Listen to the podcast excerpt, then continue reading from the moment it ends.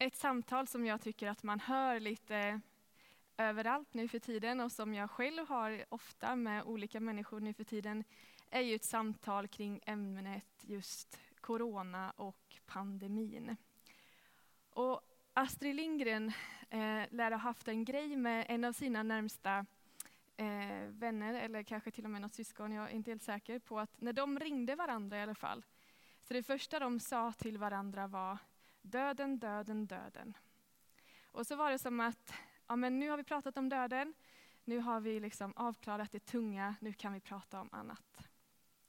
Och lite så tycker jag att det är även idag när man möter någon, kanske i affären eller när man är ute och går sådär, att eh, först så behöver vi bara få prata om den här tunga och jobbiga situationen som vi befinner oss i, i den här svåra omständigheterna och svåra omständigheterna som coronan och pandemin är. Behöver liksom bara få det liksom ut ur systemet. Och jag tycker mig se ett litet eh, mönster, högst ovetenskapligt mönster i det här. Att så ofta när man träffar någon då så vräker man ur sig om det här, eh, liksom hur jobbigt det är, hur tråkigt det är. För att ändå någonstans sen när man känner att nej, men nu har vi nog avklarat liksom pandemin, så vill man ändå inge hopp till varann på något sätt. Och det där hoppet har ju sett lite olika ut under det här året. Men just nu tycker jag man ändå sådär, ja men det är snart vår och då blir det ju kanske lite bättre. Och nu är ju vaccinet här igång och folk håller på att vaccinera sig. Så då kanske vi kan se att det blir lite bättre snart. Men att vi har behövt det här hoppet och ge varandra det här hoppet under den här tiden, det tycker jag har varit tydligt. Och slår man upp Saltaren, eh, en bok i Gamla Testamentet, så är det inte så sällan, om man läser någon av de här psalmerna, som det är, kan vara en otroligt jobbig eh, omständighet som den här personen, den här psalmisten befinner sig i. Och det kan vara bedrövelser och man kan uttrycka det i väldigt starka ord.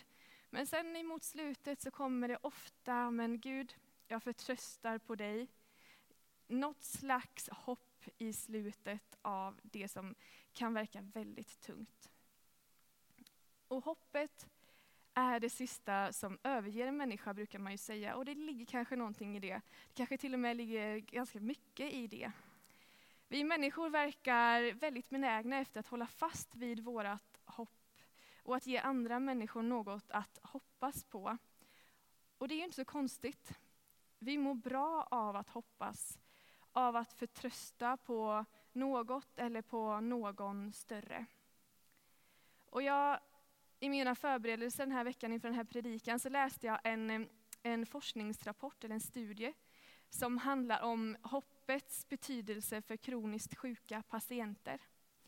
Och I den här eh, studien så går det att konstatera att hoppet och även tron på en högre makt har en stor positiv betydelse för patienten. Och att sjuksköterskans attityd och handling av hoppfullhet är viktig för patientens förmåga till att just känna hopp. Och jag vill läsa ett citat därur. Många artiklar visar på att sjuksköterskans förhållningssätt till hopp påverkar patientens egna upplevelser. En viktig roll är således att framhålla, hjälpa att bibehålla samt inspirera patienten till hopp. Vårdvetenskapen belyser sjuksköterskans uppgift som att ansa, leka och lära i en anda av tro, hopp och kärlek. Slutcitat. Som att leka och lära i en anda av tro, hopp och kärlek. Så fint beskrivet tycker jag, och så bibliskt och så medmänskligt. I dessa tuffa och svåra tider så får vi som orkar och kan vara som de här sjuksköterskorna. Vi får försöka förmedla tro, hopp och kärlek till de som behöver det lite extra. Och det har ibland och i vissa sammanhang funnits en ganska naiv tro på att om du blir kristen, eller är kristen, så blir allt i ditt liv bra. Då slipper du undan sjukdom, sorger, skador eller förluster. Du får ett fint hus, snälla barn, pengar på banken. Och visst är det så att Gud kan förvandla ditt liv. Visst är det så att Gud kan dra dig upp ur mörker, ur situationer som är otroligt tunga, omständigheter som är otroligt jobbiga. Men vi har aldrig blivit lovade ett enkelt liv. Men däremot så har vi blivit lovade att Jesus ska vara med oss alla dagar till tidens slut. Och att vi inte behöver vara rädda för döden. För livet kommer alltid, alltid ha sista ordet. Och någon som har förstått att livet som kristen ibland är otroligt obekvämt, det är Paulus. Paulus som skrivit så många brev i Nya Testamentet och var en man som minst sagt fick sitt liv förvandlat när han mötte Jesus. Han gick från att vara en mördare och en som förföljde kristna till att själv åka runt och berätta om sin kristna tro. Han berättade om Jesus som hade förlåtit honom och förvandlat hans liv. Men som också har makten att förlåta och förvandla alla människors liv. Paulus åkte runt och berättade om detta hopp för alla som han mötte och i alla de situationer som han hamnade i. Men hans uppdrag och eh, kall krävde en hel del obekvämligheter, minst sagt. Han hamnade i fängelse flera gånger, blev ofta bestraffad med slag och rapp. Ofta riskerade han livet. Han var skeppsbruten vid ett flertal gånger utsattes för faror från alla möjliga olika håll. Han har haft tider då han svultit och törstat.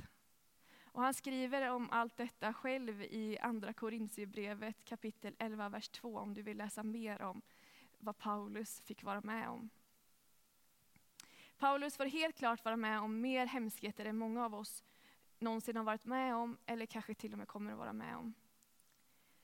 Och texten som den här predikan är inspirerad ifrån och som Emil nyss läste för oss är hämtad från Apostlagärningarna kapitel 27 och 28, in, eh, kapitel 28, vers 10. Så om du vill eh, hänga med och inte har varit med hela gudstjänsten, så läs gärna det. Stanna gärna nu och så läser du kapitel 27. Och varför inte läsa hela 28 när du ändå är på gång. Det här handlar om när Paulus är fånge och ska transporteras med båt över Medelhavet.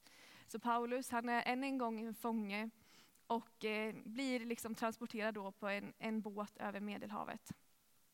Och det blev så många gånger tidigare i Paulus liv, minst sagt eh, en dramatisk resa. Och Paulus han varnar besättningen och sa att eh, det är för riskfyllt för att, nu, det är för riskfyllda omständigheter för oss att ta oss ut över havet. Det är vinter, det är kallt, det är blåsigt. Men besättningen var fast beslutna om att vi ska ta oss till den här andra hamnen som det är bättre att ligga i nu när det är vinter. Så de lyssnade inte på fången Paulus. Det dröjde dock inte länge förrän det började storma rejält och de fick börja faktiskt kämpa för sina liv. Och det står att de kastar last över bord, de vräkte alla lösa föremål som de hade där ner i vattnet för att båten skulle bli lättare att klara sig. Och de gjorde allt de kunde och förmådde för att överleva. Men till slut så kommer de till en punkt efter att de har kämpat och kämpat och kämpat och gjort det som eh, liksom krävs av dem. Men när de inser att eh, det finns ingen räddning, allt hopp rinner ur dem. De såg ingen väg ut ur den här stormen och de inser att det här kommer nog bli våran död. Det står till slut förlorar vi allt hopp om räddning. Man kan säga att de befann sig i en minst sagt hopplös situation. Men när det såg som mörkast ut så kliver Paulus fram igen. Och han behöver bara först konstatera att hörni, ni skulle ha lyssnat på mig. Han är ju djupt mänsklig, Paulus också. Han fortsätter, men nu uppmanar jag er att vara vid gott mod. Inga liv ska gå förlorade, bara skeppet. I natt kom nämligen en ängel till mig från Gud som jag tillhör och som jag tjänar. Och han sa, var inte rädd Paulus. Du ska stå inför kejsaren och alla som är med dig ombord har Gud skänkt dig. Var därför vid gott mod. Jag litar på Gud, säger Paulus, och det blir som han har sagt mig. Men de får fortsätta kämpa ett bra tag. Och det var nog inte alla som ändå kanske litade på Paulus ord, även om de hoppades på att han skulle ha rätt. Det såg fortfarande mörkt ut. Men så fick ändå Paulus rätt. Båten drevs sönder, men all besättning klarade sig och kom i land på Malta. Och där på ön fick Paulus möjlighet att visa på Guds storhet genom under och tecken. Han fick be för och lägga händerna på sjuka. Och där fick han chans att förkunna, för, eh, förkunna om Jesus. Han tog alla möjligheter som han fick. Och den här berättelsen är ju på många sätt extrem och kanske svår för oss att identifiera oss i. Men när jag läser den här texten så är det framförallt två saker som ekar lite extra i mig. Och det första är att hur kommer det sig att Paulus hela tiden hamnar i så svåra omständigheter och också på många sätt inte värjer sig för dem?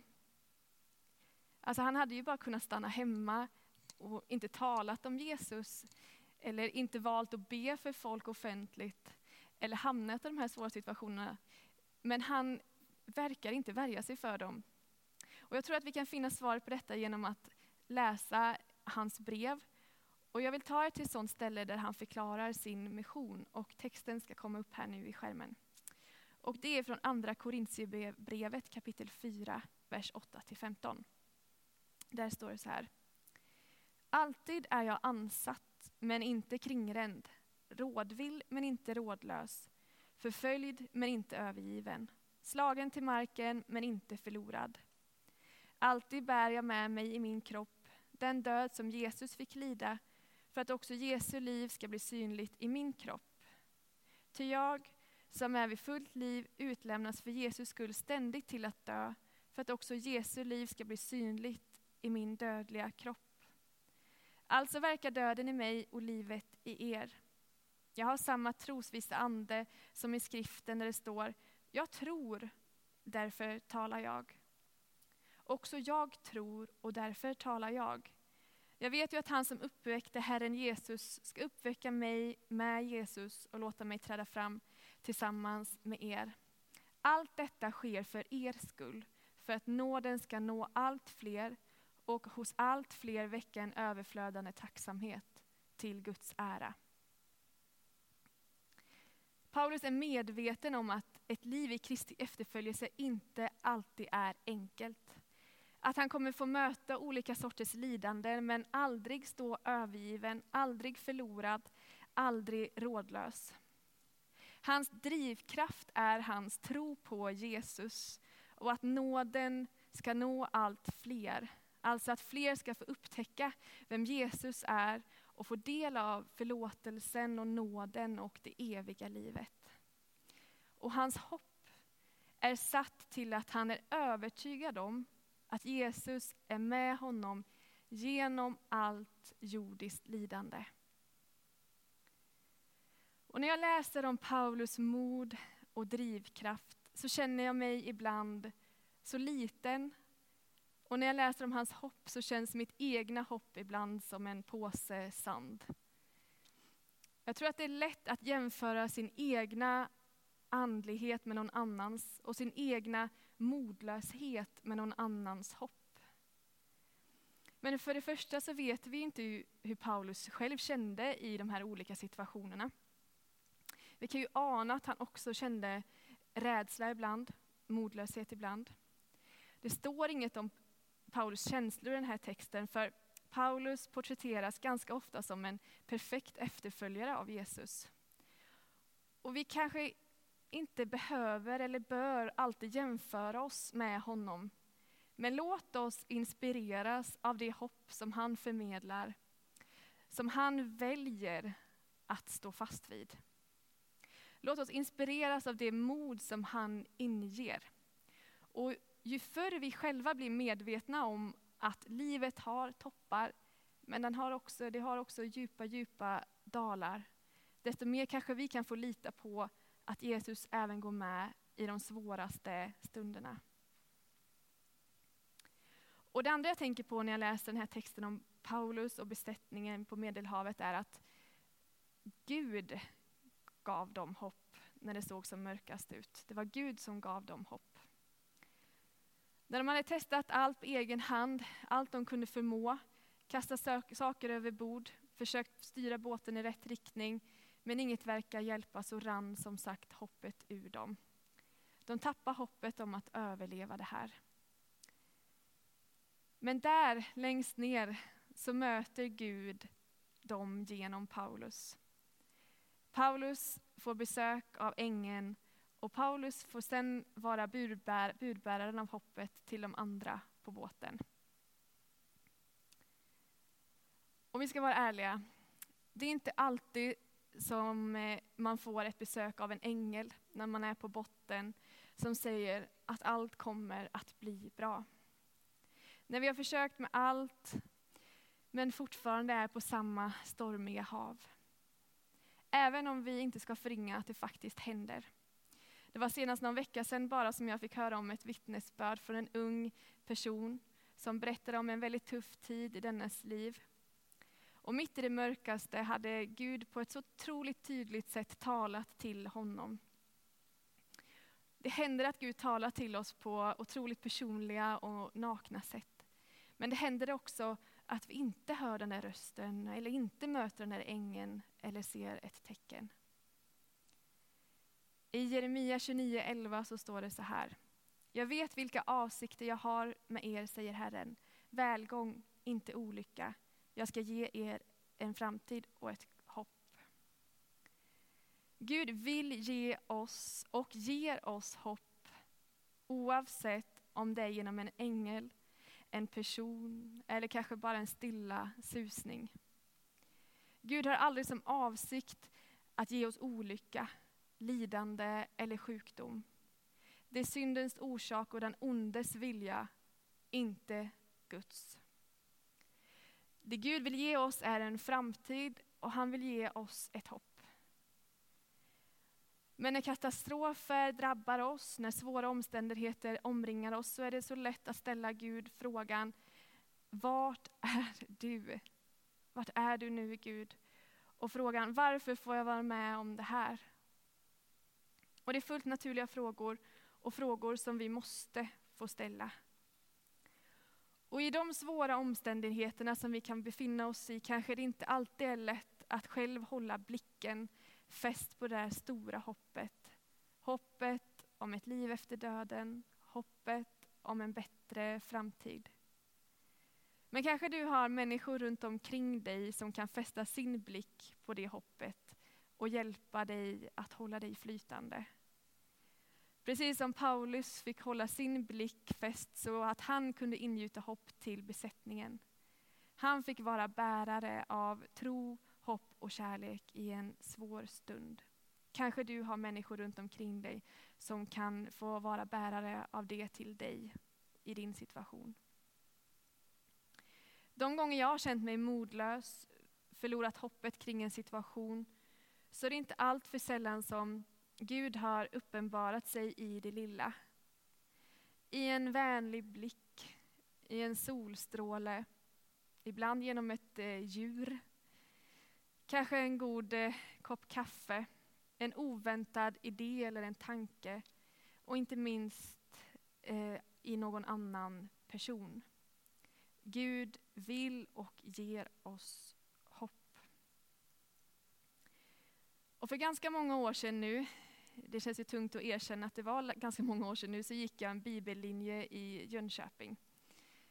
Och där fick vi en dag en uppgift att på något sätt måla Gud, eller hur vi tänker oss Gud. Och jag hade verkligen noll inspiration. Så min egna bild av det här jag skulle säga att den blev riktigt, riktigt dålig. Det var ett ihopklipp av clipart-bilder från eh, Paint eh, på datorn. Ehm, och något i stil med att Gud har eh, många olika sidor. Men däremot så fanns det en tjej i klassen som hade målat en bild som verkligen etsat sig fast i mig och jag tänker på den ganska ofta fortfarande. Och för några veckor sedan så mm, flyttade vi från en lägenhet här till ett hus i Vårgårda. Och då hittade jag den här bilden igen som jag hade sparat som den här äh, vännen till mig har målat. Hon heter Karin och när vi fick den här uppgiften så eh, hade vi precis börjat lära känna varandra. Och det jag inte visste om förrän då hon visade upp och förklarade sin bild, det var att hennes pappa nyligen och hastigt hade avlidit. Hon var i djup sorg och hennes bild som skulle visa på vem Gud är för henne såg under den här tiden ut så här. Nu får ni upp en, en bild på era skärmar och för er som är i lokalen kan jag visa upp hur den såg ut. Och jag har fått Karins tillåtelse att både visa och berätta det här. Bilden föreställer en tjej med ett litet ljus, en liten sticka med ett ljus i handen. Och runt omkring så är det ett mörker och en hemsk gestalt som det står bland annat död och sjukdom och själviskhet på. Och den här gestalten omringar henne eller omger henne i det här mörkret. Men ljuset från tjejen nere i hörnet gör så att mörkret ger vika. Och att det där lilla, lilla ljuset, det förklarar hon som att det är just där och då det där ljuset är Gud för henne. I hennes sorg så orkar hon inte mer än att bära på den där lilla, lilla stickan av ljus. Och hon förklarar det som att hon inte alltid ser eller ens känner det där ljuset heller. Men att vissa dagar så skymtar hon det och då är det tydligt att ljuset är starkare än mörkret. Och hennes berättelse berörde mig något enormt. Dels så tycker jag att det är en helt fantastisk målning, men också hennes beskrivning av Gud. Så kravlös och så hoppfull. Vi kan få vara bärare av ljuset, det där lilla ljuset som ibland skingrar det där stora, stora mörkret. Vi kanske inte alltid märker det, men de gånger då det, då det tränger igenom så blir det tydligt att mörkret inte har det sista ordet. Söndagen är den stora gudstjänstdagen för oss kristna. Och varför just söndagen? Jo, för att Jesus uppstod den här dagen. Han uppstod från döden. Vi firar varje söndag att livet har vunnit över döden. Det är inte över. Jakob Langevik som är författare och utbildad pastor från Göteborg skriver i sin senaste bok som heter 52 förlorade sovmorgnar så här. Man skulle kunna koka ner det till att det som går i kyrkan är ett gäng som inte slutar hoppas. Som tror att det som ser mörkt ut kan vändas till ljus. Ett gäng som mot alla odds vägrar att säga att loppet är kört eller att allt är slut. Varför? För vi tror att döden inte har vunnit. Slutcitat. Jag tror på en Gud som har skapat den här världen. Jag tror på en Gud som har skapat naturen. Och varje vår så är det som att han vill säga genom sin natur att jag vill ge er en framtid. Jag vill ge er ett hopp. För varje vår så blir det som tycks vara dött, levande igen. Naturen uppstår, kvistar som ser döda ut får blommor på sig, gräset som verkar helt dött börjar leva. Och här i Sverige så ser vi inte bara att naturen börjar leva igen, utan helt plötsligt så ser vi också grannar som vi inte har sett på hela året. Och fåglar som kommer tillbaka. Vi ser att det är möjligt. Vi ser att döden inte har vunnit. Varje vår påminner om det löfte vi har i Jesus, att lidande och död inte har sista ordet. Det har livet och det får vi ankra oss fast vid. Hoppet om en bättre framtid. Vi får hoppas på och förtrösta på Gud. Amen. Låt oss be. Tack Jesus för att livet har sista ordet. Tack för att du har sista ordet. Tack för att du uppstod så att vi också kan få uppstå med dig. Jag ber nu för vår situation som vi befinner oss i, i den här pandemin. Och vi ber om hopp, Herre. Vi ber om hopp i en, en tid ibland som känns helt hopplös. Kom Jesus med ditt hopp in i våra liv. Små tankar, stora tankar, små händelser, stora händelser som kan få hjälpa oss att se det där hoppet. Att sätta blicken på dig och på det hopp som du vill ge oss. Amen.